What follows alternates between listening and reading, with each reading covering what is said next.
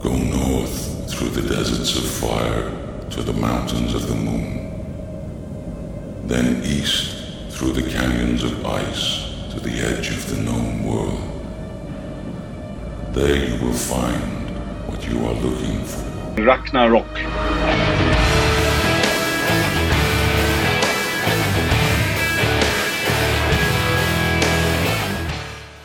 God kvöld og velkommen til Ragnarok og tvar tøymar vi Røtje og Tungmal med tver samrøvur av skronni i kvöld. Fyrst hos vid vi Kristoff Klinge, gitarløgaran og i tyska bøtjen og megahertz. Bøkeren som saman vi Ramstein og Umf er undangangu bøker innan tøvnlaga grønna Nøye Deutsche Hete kom i august i fjør vi tutsjindi utgavu av syne in Teufels namen. Søtna samrøvan er vi Anders Engberg, åttamannen i svenska bøltjen og sorcerer. Vi prata om nutje Ukavo Torra, Reign of the Reaper, som var utgiven i oktober og i fjør. Seinast i sendingene spela vi fyra lo ur nutjo boksutgavene An Extraordinary Life, her seksa solo utgavene tja John Vetton er og sanavar. Hetta er saun við åtta fløvon, her tverta sønastu fløvonar eru vi konsertopptøkon og ikkje fyrr utgjøvna sankon tja John Vetton. John Vetton som døy i 2016 tjeje trus er gammal, er kjentur som sankare og bassleikare i balkon som Asia, King Crimson, Urea Heap og UK. Velkommen til tvar tøymar vi Mega Hats, Sorcerer og John Wetton. Velkommen til Ragnarok. Rock. Hello guys, this is Christian from Egert and you're listening to the man with the coolest name on the planet. You're listening to Ragnar on Ragnarok.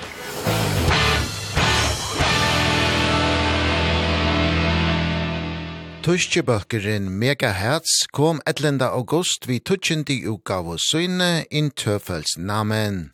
Og i hessens samband det her vil finne året av gitarløykeren Kristoff Klinge.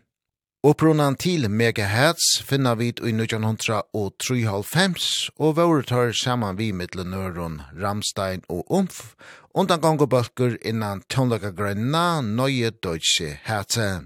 Oh well it's uh megahertz is it's it's it's now I guess in the 30s uh, years year of of of band history so uh we uh alongside with uh Umf and Ramstein we maybe were known as founders of the Neue Deutsche Herd, and it's been a really long way since then, and uh, still going on. You know, new album. You mentioned the Neue Deutsche Herze. How do you describe that uh, genre, music genre? It's it's maybe an uh, a mixture of electronic music that has its roots in the in the in the in the, in the techno movement and uh combine this with uh German lyrics but not only sung but also kind of rapped lyrics um to make it even harder and um uh, yeah what is that's maybe when i when i heard techno music back in the day in in the 90s I always you know those those bass lines that were playing those melodies were, but I always heard guitars playing that. It was it was uh, really curious to check that out to try that out and and and, and it it worked so good techno was a big influence. The prodigy a very huge influence. Of course the biggest influence ever Clawfinger. I mean their atmosphere and the music. You know we we uh we we once played in the very first beginning we played the truth and nigger and it was so cool. We enjoyed it so much.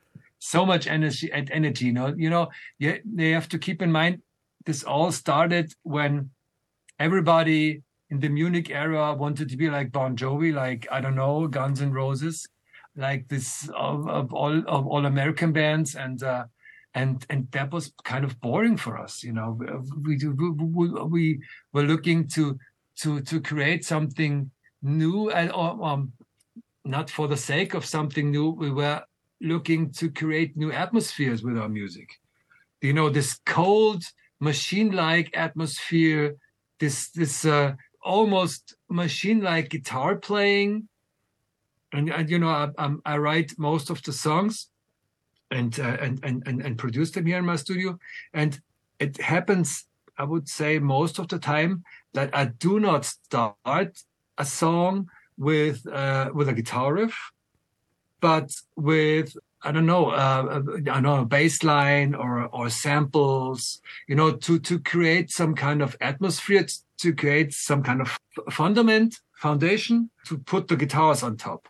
And it's it's it's so funny because it happens so many times that it's only electronic music basically a bit and and then the then the guitars come in and over the over time the process changes that the electronic gets gets more in the background and the guitars get more in the foreground so for most guitarists that are writing music it's it's it's maybe a little weird but for me it's it's perfect Vi har finnje Kristoff Klinge gitarlagaran ui mega hats at hega okni jöknon nukra lovunon av in Teufels namen og fyrsta lei han grøy fra om er Raben Herz. Well it's basically it's a it's a song that Henning from from the the, the keyboarder of of Unheilig did did for us which is uh, who who also uh did the mixing of the album and Henning is one of of the coolest guys I know and one of the most talented people working in the in the German music scene is he's so unbelievable. You know, this guy is music standing on two feet. It's unbelievable. So hope you enjoy this song. In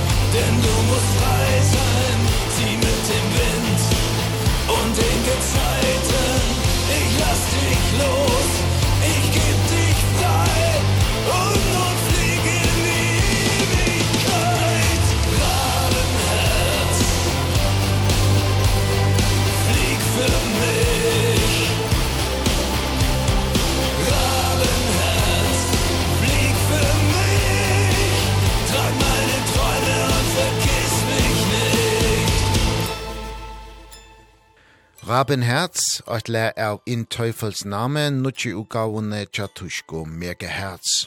Tutsjenda utgava torra var tøk, etlinda august. Fem år i rullien så gjerne mega megahertz kom vi nesten just i utgave søgne, komet. Årsøkjen til at så langt tog i fra lien er ankel, sier gitarlagaren og leskrivaren Kristoff Klinge. Basically because of the pandemic, Yeah. There's been really dark times for me. For me especially I was really really depressed literally. I didn't feel very good. I really forced myself very hard to to to work on and I did but everything I created was just bullshit. It wasn't, you know, it was there was no there was no energy in uh, in in in what I what what I created. None at all.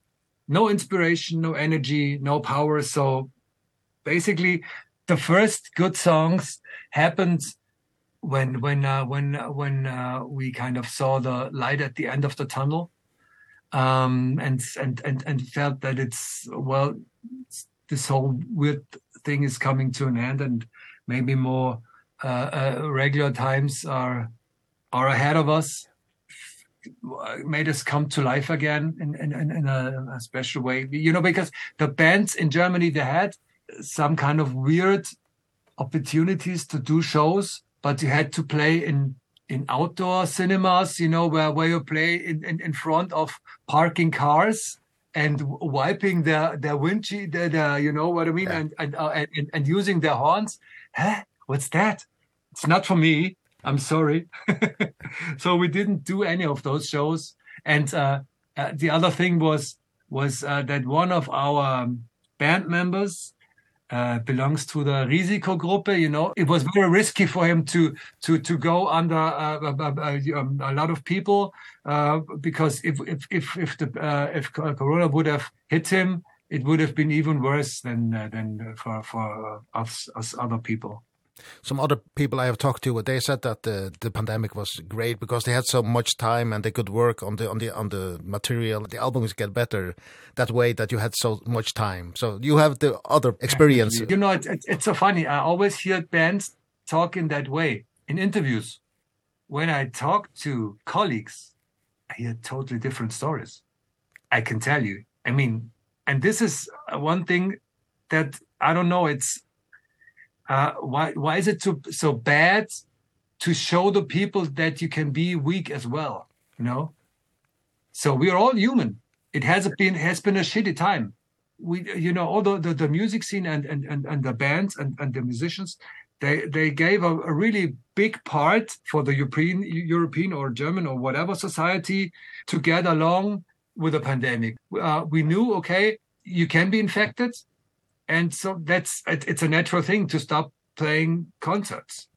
It's a pity but you can't do it because it's bad for people. So of course this makes you sad. This makes you uh, depressed. I mean may maybe not everybody but i heard a lot of people telling when you know when the when the when the camera is out and when the microphone is off telling similar stories to what i'm telling. And um well i don't know. Og tøyen vi korona hever eisne givi uiblaster til eina sankunon av in Teufels namen, nemlig at det kunik det domen.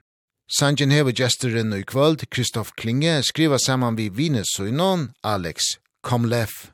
A König der Dummen, it was uh, one of those songs that had to be written during the pandemic.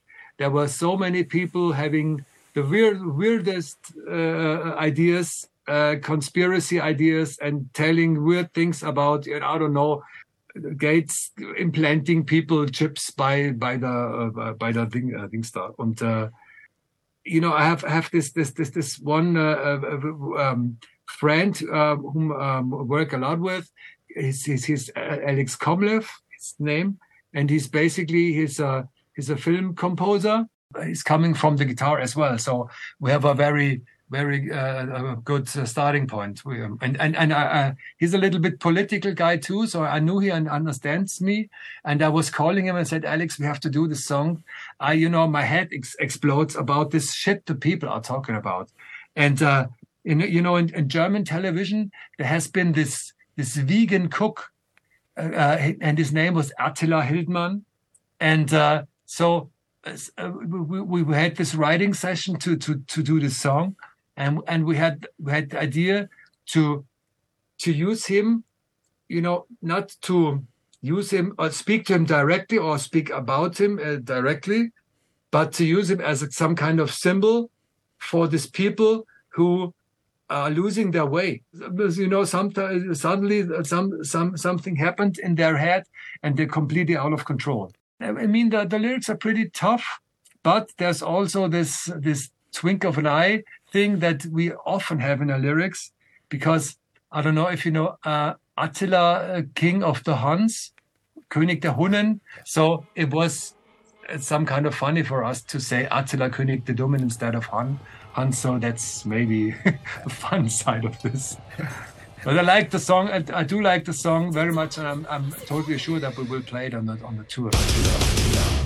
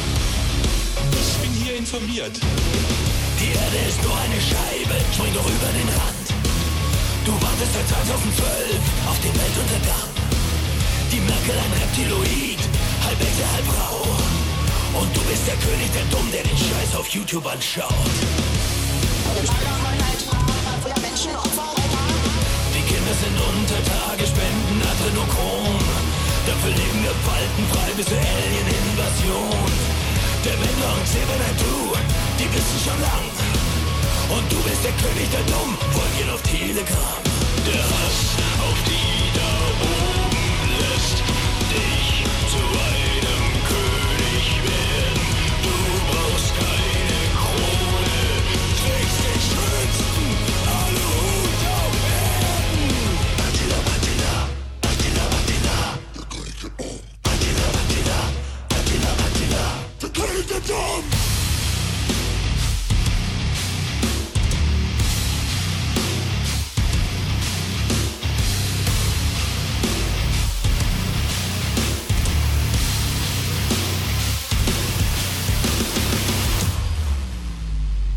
Der König der Dummen, ein sankur her uiblasteren er kommen ur lagt no koronatøyene vid iver tveiar livto ui. Sankren er via nutje utgavene tja tuska bøltjen noen megahertz. Tutsjenda studie utgava torra in Teufels namen ver utgiven 11. august. Det er Kristoff Klinge som kommer vi flest og hosgått noen til Sanchenar tja megahertz. Og fyrrøkjengarnar til in Teufels namen blir av oss og kjøtt koronafarsøtten hver hæsa av. And when did the, the process of start working on the new album after the, the pandemic? After the pandemic. You know, when we uh, see uh, regular times ahead of us coming and, and, and uh, it was clear, okay, that's it, it's over now, then... Uh, everything started to come to life again. And and how is the writing process? Are you sitting together or or are you sending ideas between you? Basically, I'm uh, I'm I'm writing the music uh and and uh making a making a song concept um, producing a demo or something and send it to Alex and uh he's gonna he's gonna do some lyrics on it and uh gonna send it back to me and maybe I'm gonna react mu in, in um, musical wise on this. And so we call this our ping pong effect and it it's it goes back and forth between the two of us. Uh and some some um, a few songs I wrote with other people and you know you you, you meet a lot of people on on on in, in 30 years a lot, lot of interesting people that can give you interesting aspects to make your um your album even more colorful you know? Just it, it's for me it's it's it's very important that I don't want to be the creator of 11 songs on that album you know? It's you have to have influences influences from from other guys as well. I mean and and since you know not every musician has uh, has to thrive to to be creative there are a lot of musicians that are more like they want to play that's that's fulfilling for them. And there are others which are maybe very much less in number that uh um want to create too. And maybe i'm i'm one of those smaller group of persons and that's the reason why why why i'm i'm i'm the one who's who's uh, who's responsible for the for the for for for the music that we do. And where did you get inspiration from when you write music? Well, that's very, very hard question. I don't know. You know, a lot of people ask me, how, how do you compose? And I say, I don't know. It comes to me. and be a, diff a lot of things, you know. Certain moods that you're in, I don't know, it, it, it can be fiddling around with sample libraries, fiddling around with guitar sounds, you know, jamming, something, sometimes, uh, you know, this, it, it just, it just happens. You, you can try to force this, of course, but it doesn't happen all the time. And lyrically, lyrically where do you get your inspiration from from to the lyrics? There have been I guess two or three songs where where Alex sent the lyrics first. This is so much easier because you don't have to start with a with a blank piece of paper or a blank arrangement in logic, you know. This is you have have something you you know usually he writes far too much lyrics. It's always difficult to him for for have uh, to see the difference between song lyrics and the short novels. Let's take it that way. Yeah. which is not so bad for me because i can pick the parts that i like the most and put them together to something that i i have music in mind. And uh, so this triggers music. And as i said before and um, and then i send him stuff.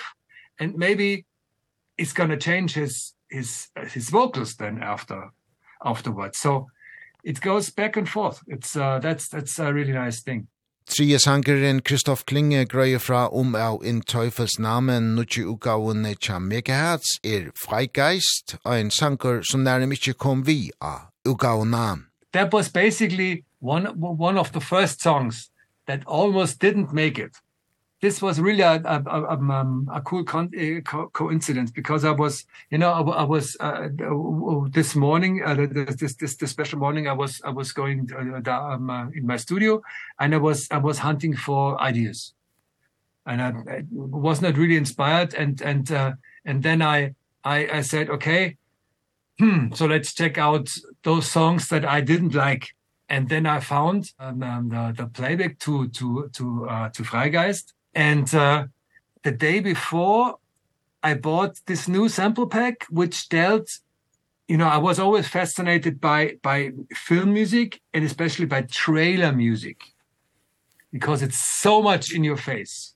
It's so, you know, sick sounds and so, so much impact. And I, I always said I'd, I'd, I'd need to combine this with megahertz. And uh, then you know had this arrangement open and uh, and tried out these sounds. And suddenly this song went into a totally another direction and grew and grew and grew and grew so that you know at uh, so a couple of days later I had this playback. And uh, so it was kind of a rescue uh, a scene here. I don't know. Yeah. This happens as well you know everything can happen. Für mich gibt's keine Barrikade ich akzeptiere kein Nein Werde alles hinterfragen Niemand hält mich klein Ich breche alle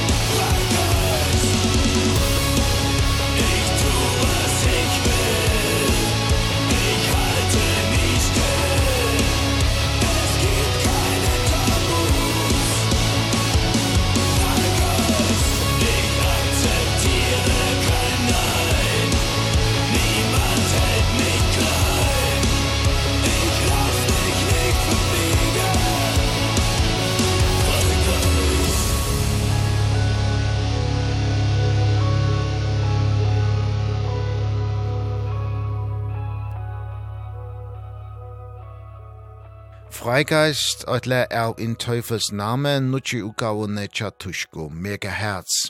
Tutsjenda utgava torra var tøk august. Heute a utgavene in Teufels namen etla a føreskon og i djevelsens navne tykist brutalt. Men heute er ikkje religiøst, grøyer Kristoff Klinge, gitarløkaren og i megahertz fra. And the title of of the album, The Teufel's Namen, is a, maybe a brutal title. How how where did you find it, and what do you want to say with that? It's not slapping the uh, the church or something. It's basically about a question that everybody should ask him um, himself: How much are you on the way? Uh, how much are you in Teufel's Namen unterwegs?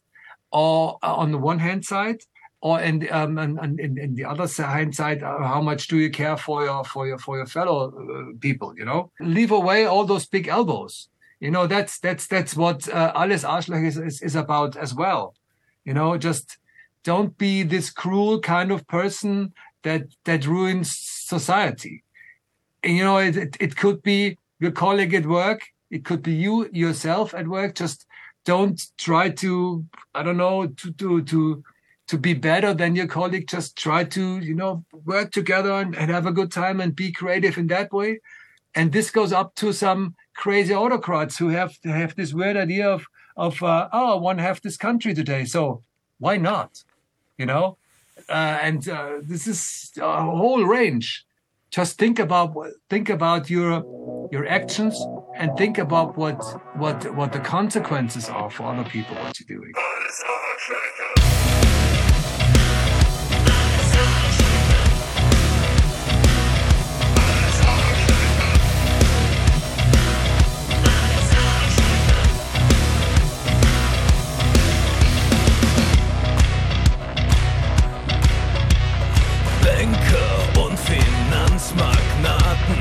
verkaufen uns ihr letztes Hemd. Sie verschleiern ihre Taten. Moral ist ihnen völlig fremd.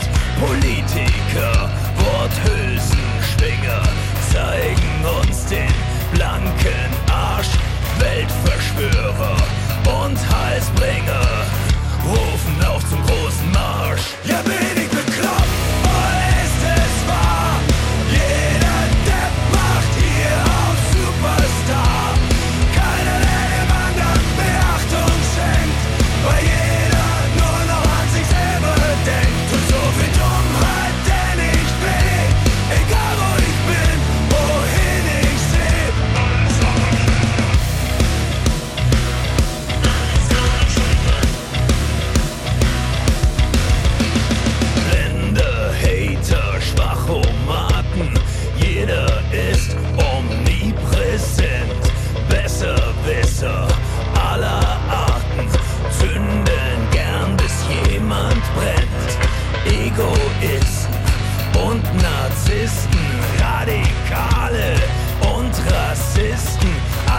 Weiße Männer versus Genderisten. Endlos reich meine Listen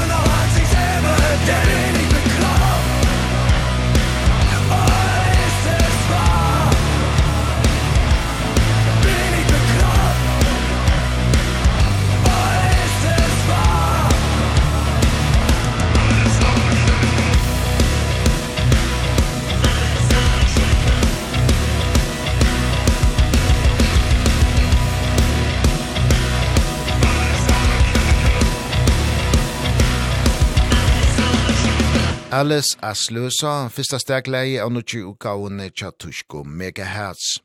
Etlinda august var møvleitje at okna sær inn tøyfels namen tutsindi ukavu Torra. Vi tås av i kvöld vi Kristoff Klinge, gitarlegaran ui just Megahertz.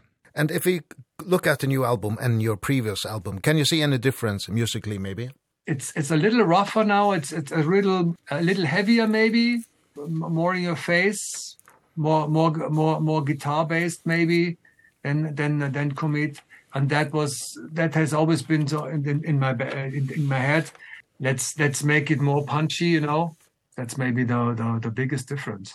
Fjore sangeren Kristoff Klinge grei fra om av in Teufels namen nutje ukavene tja megahertz er annars der Engels Gesicht Engels Gesicht is uh, some kind of our uh, of our um you know like like mystic uh, version 2.0 like like you know your part 2 or something.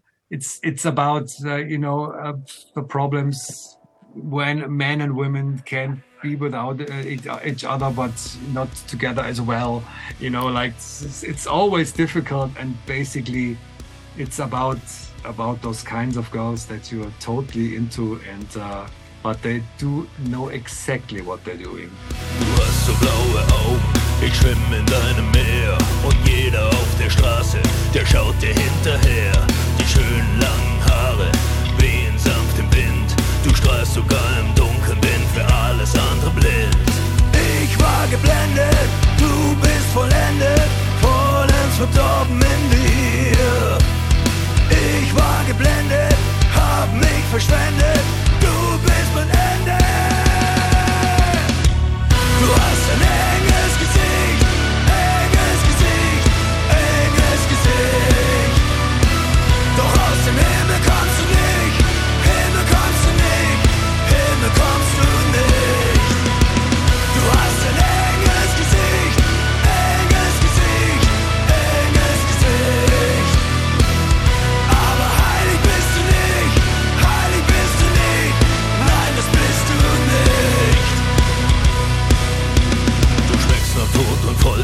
Du sagst, du willst nur spielen Zerreißt dein Herz in Fetzen Ganz langsam, ganz subtil. Du saugst die Männer lustvoll aus Noch mehr als ein Vampir.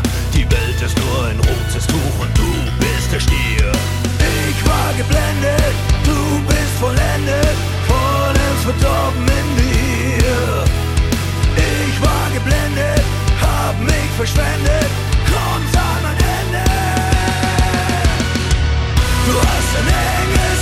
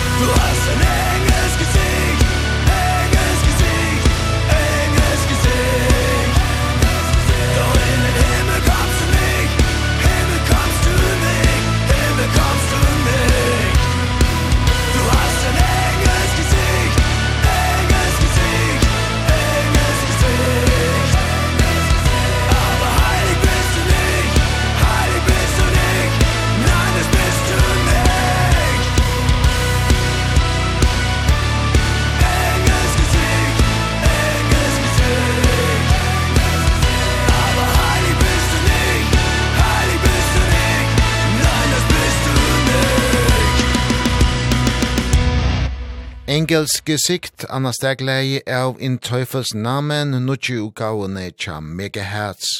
Tuskjebøkkeren kom etlenda august vi tutsjendi utgavu syne In Teufels Namen.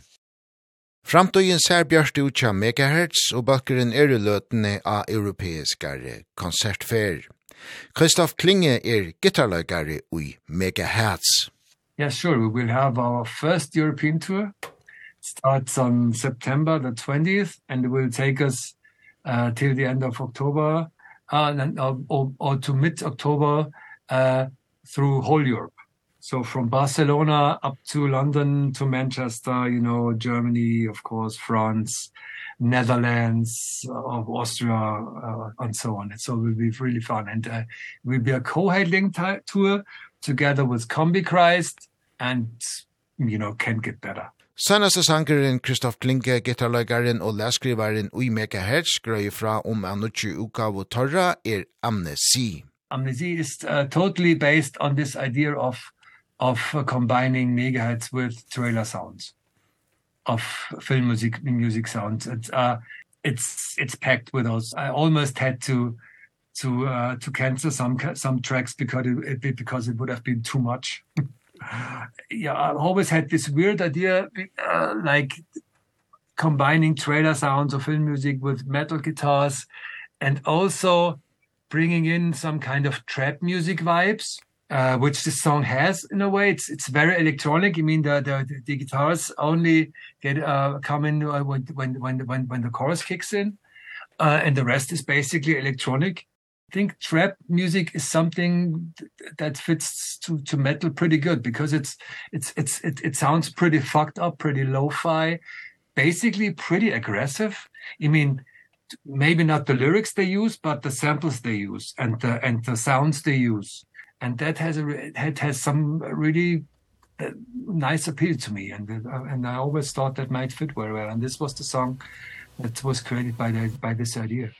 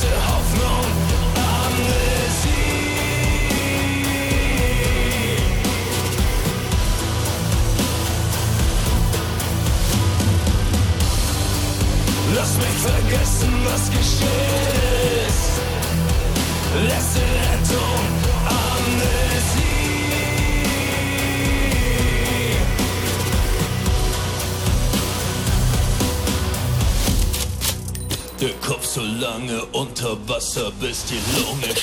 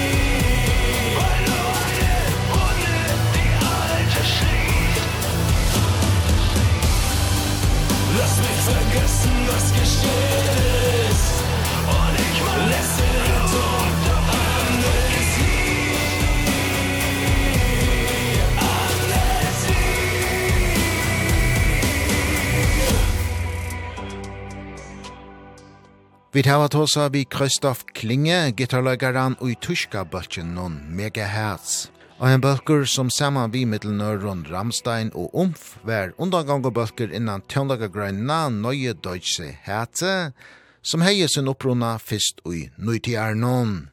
Vi tar av mittel anna om nøye deutsche herze, og In Teufels name, nutje utgavuna tja Megahertz. Og så grøyte Kristoff Klinge øysne fra nøkken av løven og ævise tutsjende utgavuna tja Megahertz. Nå til tog han og nujok non amne si.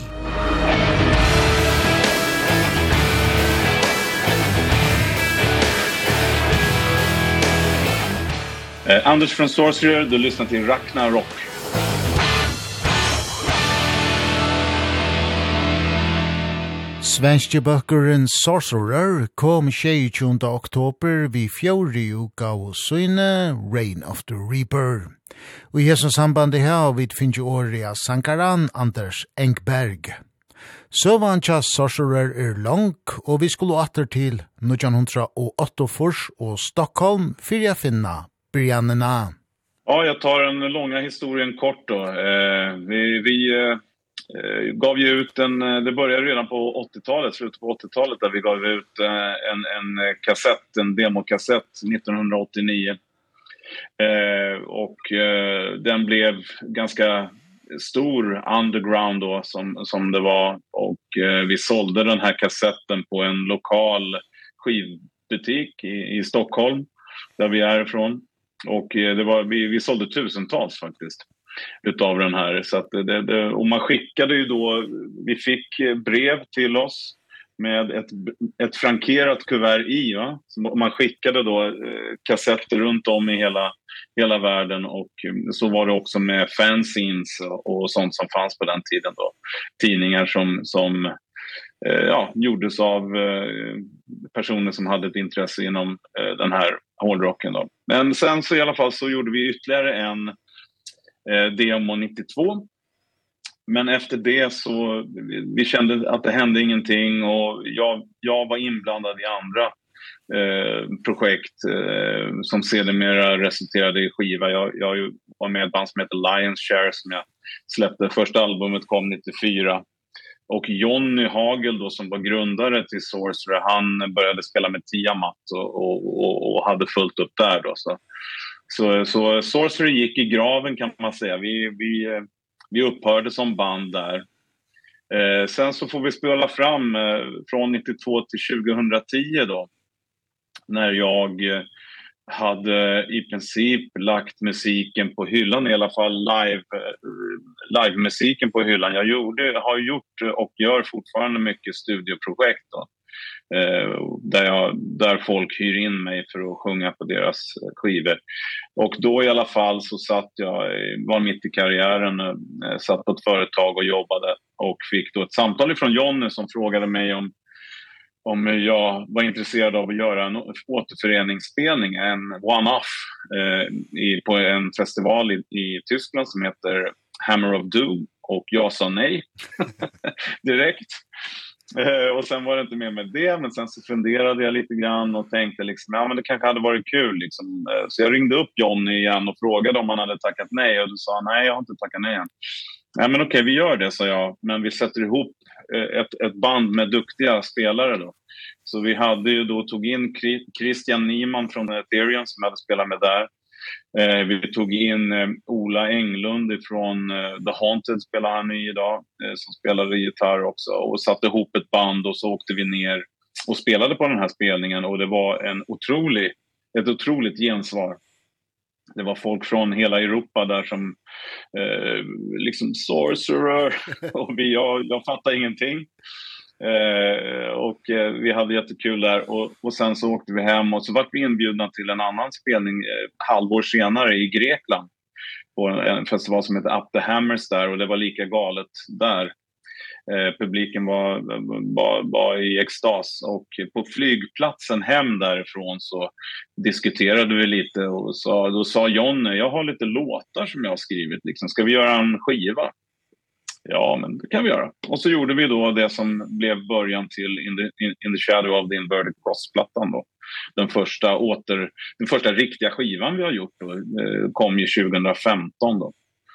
Och sen så tog det fart därefter ordentligt så att då gjorde vi ju vi har ju släppt nu fyra skivor på fyra på på åtta år här då och, och några EPs emellan och varit ganska produktiva då så fram till idag då men ja, det, det har gått från att det har varit en oskyldig comeback till att bli något väldigt fint liksom. Så att eh, idag eh, jag trivs eh, väldigt bra med Sorcerer vad vi är idag. Vi har finnst Anders Engberg at hava okkur jøk noen nøgra loven noen av Rain of the Reaper, nutje uka hon tja sorcerer. Og fyrsta leie sangaren grøye fra om er fyrsta stegleie Morning Star. Ja, det är ju, handlar ju om djävulens fall liksom, och, och, och egentligen. Så att det är ingen hyllning till Satan på något sätt.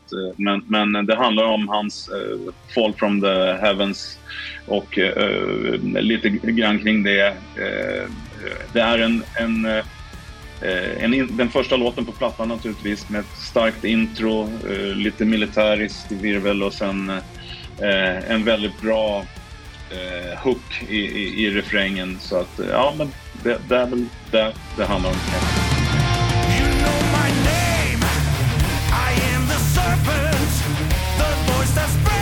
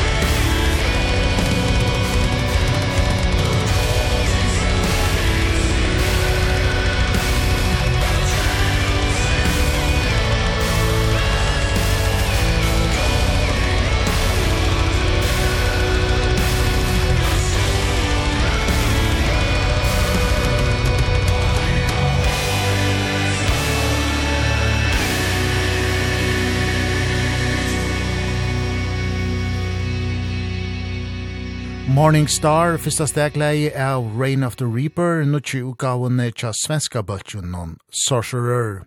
Fjore utgava torra var tøk, 22. oktober. Tvei ar i rullien så gjerne fyrrøkjengarna til Rain of the Reaper Birjavo, og utgavan hever ver Leo innspalt og i holdt ar grøyersjankaren Anders Engberg fra.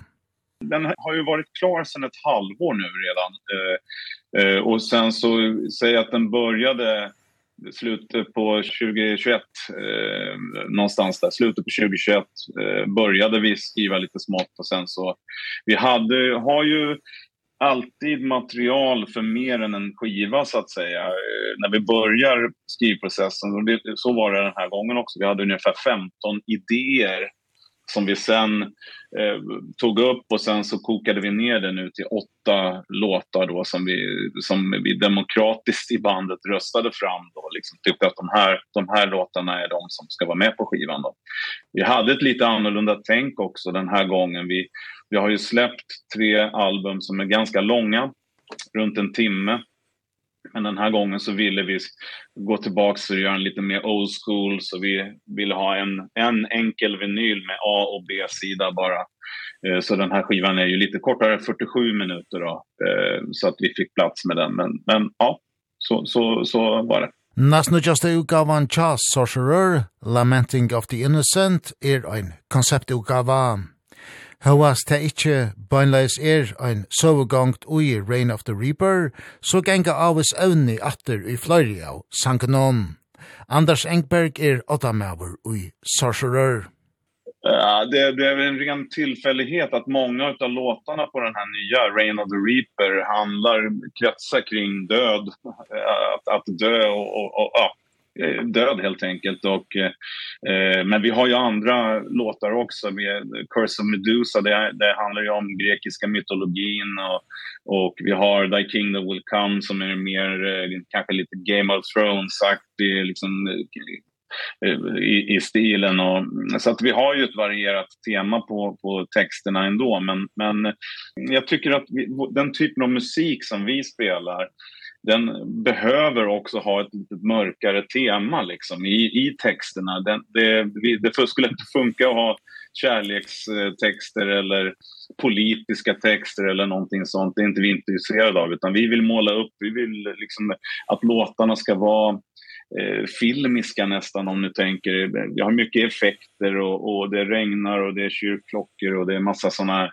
som, som ska skapa en atmosfär i låtarna för att man ska liksom sjunka in i dem. Och texterna är också lite mer abstrakta vilket gör att lyssnaren själv kan liksom gå in i texterna och och själv tolka låtarna så att säga och det det är det är uh, vad vi vill säga med musiken. Vi tar finns ju Anders Engberg att ha kognit jag någon några av sanken någon av Reign of the Reaper nu ju gåvan Cha Sorcerer och Anders sankeren han gröjer fra om er balladekjente Eternal Sleep. Yes, en av mina favoritlåtar på plattan tycker den är fantastisk. Det handlar ju om en man som är döende som tänker tillbaks på på på sitt liv helt enkelt och eh, han är på väg in i i det eviga riket så att säga och väldigt bra en dynamisk låt nästan som en ballad men i mitten så har du ett uptempo parti med med twin leads där både Peter och Christian eh, verkligen visar eh, klass eh, när, när det gäller sina solon och en intressant eh, lite progressiv låt eh, väldigt bra tycker ja. jag. Jag är glad att du gillar den också.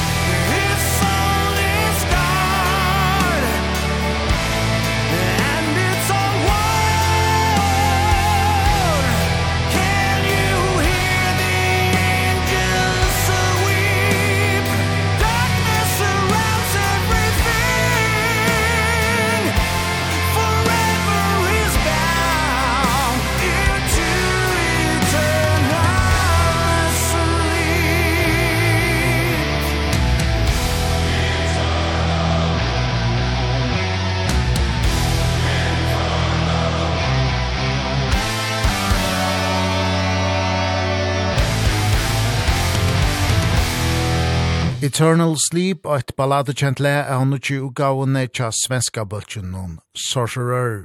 Fjora utgava torra, Reign of the Reaper, var utgiven 22. oktober. Vid tosa i kveld vi Anders Engberg, åttamannen ui just Sorcerer. Og hvordan er så skriveprosessen? Sitter de tillsammans eller sender de ideer emellan er? Ja, vi har ju hållit på så länge nu och vi har faktiskt under hela eh, återförening sen första skivan vi, vi släppte så har vi jobbat på samma sätt och det är så att vi, vi, vi har de som kommer upp med musiken och, och skriver musik tillsammans med trummaskin och, och gör enkla demos. Sen skickas det här eh, via Dropbox. Vi jobbar via Dropbox. Man lägger upp filer, idéer och förslag i, i Dropbox och tankar vi ner det. Sen har jag och våran medproducent Conny Wilén. Vi sitter oftast med uh, arbetet att göra melodier och titlar till låtarna då. Och sen så skriver vi några några phony texter liksom så att vi får in melodin liksom och och och det sista som egentligen görs klart innan vi går in och spelar in på riktigt det är texterna då som våran basist Justin omarbetar de här eh vad ska man säga fake texterna då omarbetar dem. Och tar vissa grejer besparar han och vissa grejer lägger han till liksom. Så det blir en kollaboration där i, från alla. Men vi vi repar aldrig vi går aldrig in i och står allihopa och och spelar låtarna utan vi vi jobbar rent eh via digitalt så att säga inledningsvis. Så att det är först när när skivan är klar, det är först då vi vet hur, hur det verkligen resultatet blev. Det är ju lite märkligt men eh, det är först då vi hör resultatet och det är ju nu efter skivan är klar som vi spelar låtarna för första gången. Så vi har ju aldrig spelat låtarna innan skivan är klar liksom. Nej. ja. Och var, var får du så inspiration från när du skriver musik? Eh, nej men alltså vi har ju våra rötter i 70- och 80-tals eh, hårdrock alltså Rainbow, Black Sabbath eh, men även Pink Floyd och den typen av kanske mer eh, smått progressivt eh, eh King Diamond det är många många olika influenser liksom. Men men det som som jag tycker är specifikt för Sorcery det är att vi är väldigt melodiöst. Vi har, vi har melodier i, och, och att låtarna själva låten är i centrum. Inte en fantastisk gitarrist eller en superbra sångare utan det är det, är det totala eh, intrycket som räknas. Liksom. Vi, vi vill göra bra låtar helt enkelt som håller. Ja. Det, det är vårt fokus. Trie sangeren Anders Engberg teker okni jöknun av Reign of the Reaper nutje utgavun Cha Sorcerer er stegleie Course of Medusa.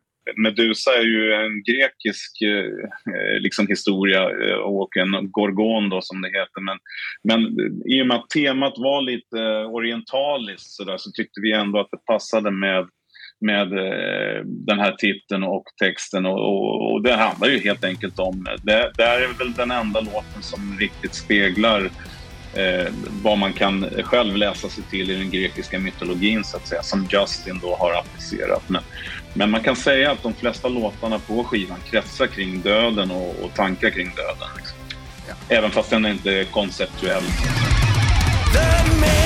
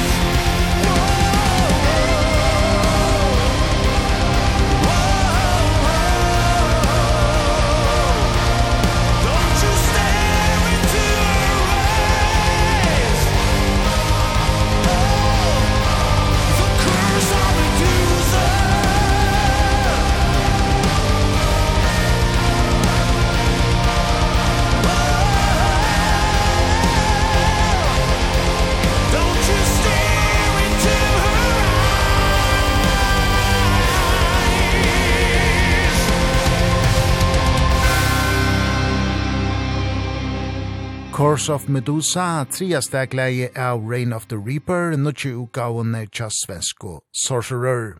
Fjore utgava torra var tøk, 22. oktober. Hva stånaren, bassleikaren Johnny Hagel, ikkje er partur av sorcerer Lonker, han får borser ur i 2018, så hever han en fingur vi i spelen noen annutje utgavene Reign of the Reaper.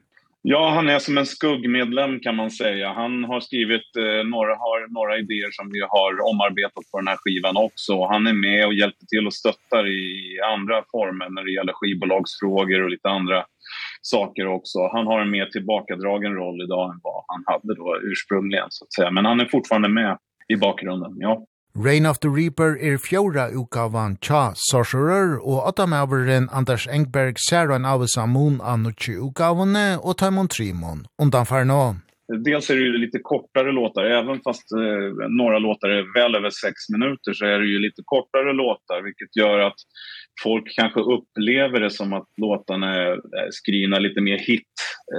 Men men det är ju inte så utan det är bara att vi har, vi gör, har inte gjort någon 9 minuters låt den här gången utan vi har, vi har kortat ner låtarna avsiktligt för att eh, det ska få plats i formatet så att säga. Men det är en väldigt varierad skiva. Det är eh, låtar med högt tempo, nästan blast trummor på vissa ställen och det är eh, låtar som går mot balladhållet kanske också. Och eh, men det är ju omisskännligt eh, sorcerer soundet det episka det storslagna soundet som vi har håller kvar här. Och jag tycker det är en väldigt bra dynamik i i skivan också. Skivan flyter på ett bra sätt. Det det är dynamiskt så så skulle jag vilja beskriva det. Fjóra leie Anders Engberg grei fra om av nutje utgaven Tja Sorcerer er høydesankeren Rain of the Reaper. Där är väl någon en låt som jag tycker är väldigt signifikativ med Sorcerer, The Sorcerer Sound really i den och den den skrevs titeln kom när vi hade skivomslaget framför oss och vi ville vi har alltid haft en titel på plattorna som speglar liksom omslaget så att det, det, det föll sig lite naturligt. Jag tror att det var Justin som kom upp med titeln där Reign of the Reaper och det, det handlar ju om eh, krigare som dör och, och vad händer med deras själar? Kommer de till himlen eller är det helvetet? Lite, lite så. Och den här figuren på hästen som suger själen ur den här döda soldaten nedanför där. Så det är lite det som, som, som låten handlar om. Mörkt och eh, mäktigt. Ja. Och nu nämnde du coveret. Har det en stor betydning för er att coveret är, har, har en signal på en, en eller annan måte? Ja, precis. Det, det, alltså, omslaget är ju viktigt. Det signalerar ju lite grann om vad, vilka vi är och vad, vad, vad skivan eh, kretsar kring. Så att det, det är absolut viktigt. Absolut. Turn from God. Abandoned Left to die on this night. My eyes wide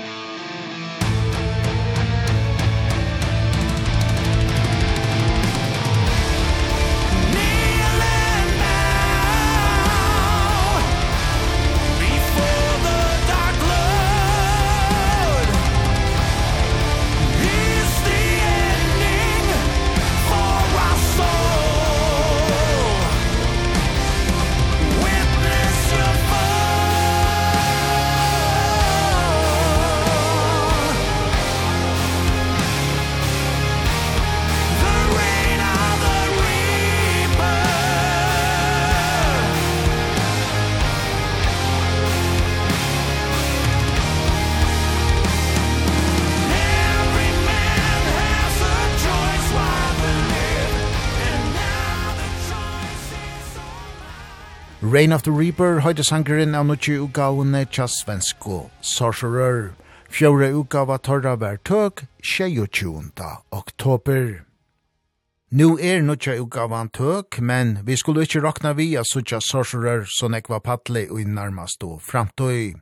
Og Orsøkjen er ankul, stafeste gesteren ui Ragnarok og kvöld, sangaren Anders Engberg vi är ju inget turnerande band egentligen. Vi är, vi, vi är lite för gamla för det. jag fyller ju 55 här nu och vi, vi alla har familj och barn och sånt där. Det är svårt att komma loss och man har mortgage du vet på hus och det är allt möjligt så att eh, men vi vi eh, vi kommer att spela en hel del. Eh, vi har ju den första spelningen har vi nu 17 november på Hammer of Doom. Eh, vi vi spelar headline där eh, vilket vi ser fram emot. Eh, och sen så eh, i början på nästa år så åker vi till Polen. Ska spela i Polen i februari. Vi gör några spelningar i Tyskland. Och sen så är det en hel del spelningar på gång. Vi har precis tecknat ett nytt avtal med en ny, ny booking agency så, så vi, det är mycket på gång. Eh men tveksamt om det blir någon turné men men det kan bli bli en vecka kanske i i Europa eller någonting sånt där. Vi får se vad som händer men men det är mycket på gång ja, måske festivalerna kommande sommar måske? Ja, det hoppas vi ju på naturligtvis. För oss som band eh, i den situation som vi befinner oss så tror jag att festivaler är liksom det som ger mest pang för pengarna så att säga. Vi kan spela inför en, en stor publik och, och, och nå många människor på en gång så att säga. Så det är viktigt för oss. 50 og sønnaste sangeren Anders Engberg teger og nyjøkt noen av Rain of the Reaper, nukki ukavun Chas sorcerer er Break of Dawn. Break of Dawn, eh, fantastisk låt också skriven av Peter Hallgren, eh, ena gitarristen. Och, eh, den handlar ju om, den är abstrakt, det handlar om att man ser, ser framåt, att när det ljusnar liksom, från mörker in i ljuset så att säga, när, när dagen gryr eh, så, så förhoppningsvis så löser sig eh, det mesta Men man vet aldrig, man vet aldrig. Bakom hörnet står djävulen kanske och knackar på dörren, man vet inte. Lasta hope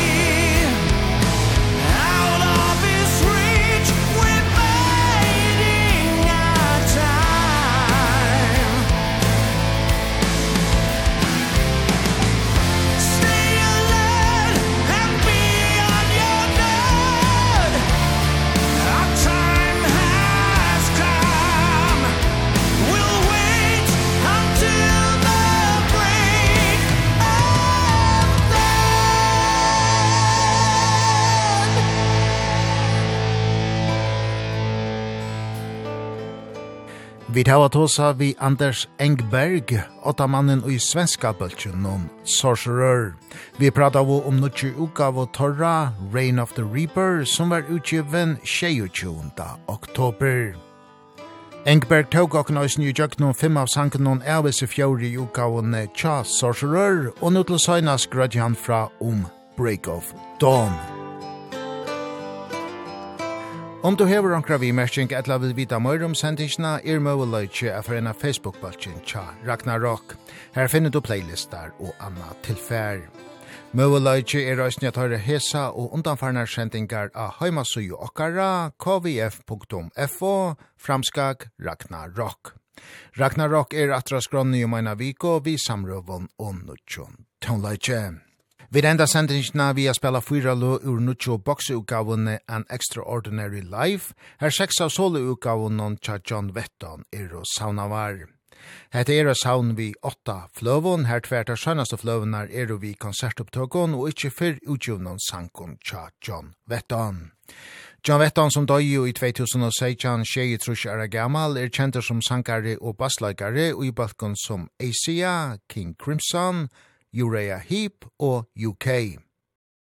Der seks solo-utgavene tja vettan som er vi i boksetten on An Extraordinary Life er jo debututgave Hansara, Caught in the Crossfire fra 1900 og Fors, Battle Lines som var utgiven i 1954, Archangel fra 1995, Welcome to Heaven, som var tøk 3 år 17 i 2000, Nast nødjaste utgavan Chavetton, Rock of Fate fra 2003, og senast solo utgavan som er vi av An Extraordinary Life er allar senaste utgavan Chavetton, Raised in Captivity, som var senda marsnaien i 2011. Vi enda sendingsna i kvöld vi at høyra fyra løs som er vi av en extraordinary life, nutju boks i gavene tja John Vetton. Ta fyrsta er Baby Come Back, som er vi av debi debutgavene Caught in the Crossfire fra 1900 og fors. Så gjerne høyra vi Hold Me Now av Battle Lines, som var tøk 1900 og 4,5. Tria leie er I've Come to Take You Home, som er vi av Rock of Fate fra 2003, og vid enda vi Lost for Words, som er vi av aller skjønnaste solo-utgaven Cha John Wetton, Raised in Captivity, som var sendt av marsnægen i 2011.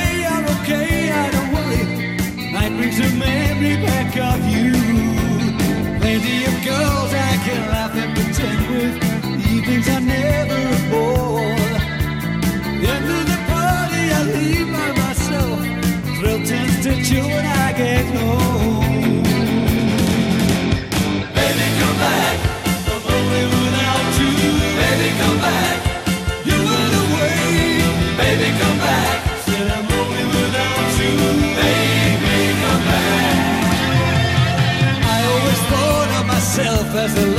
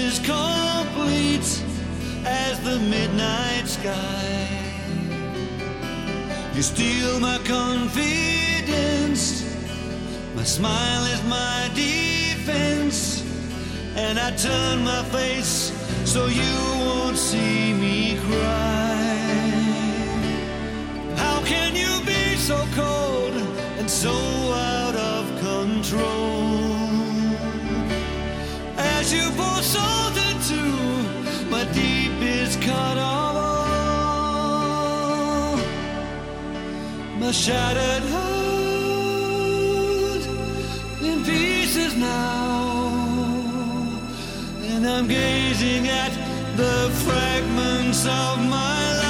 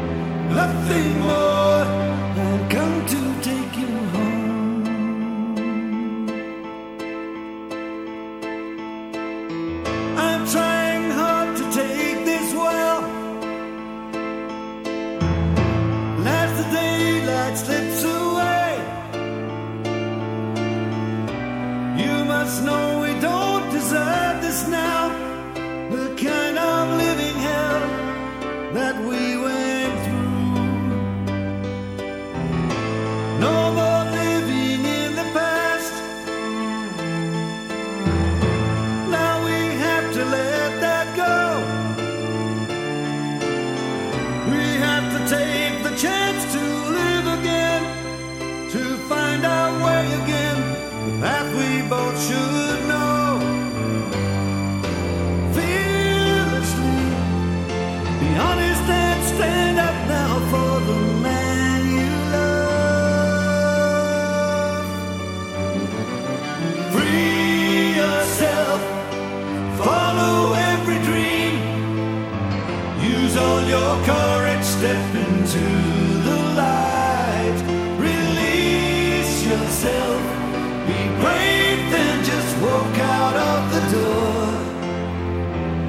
nothing more.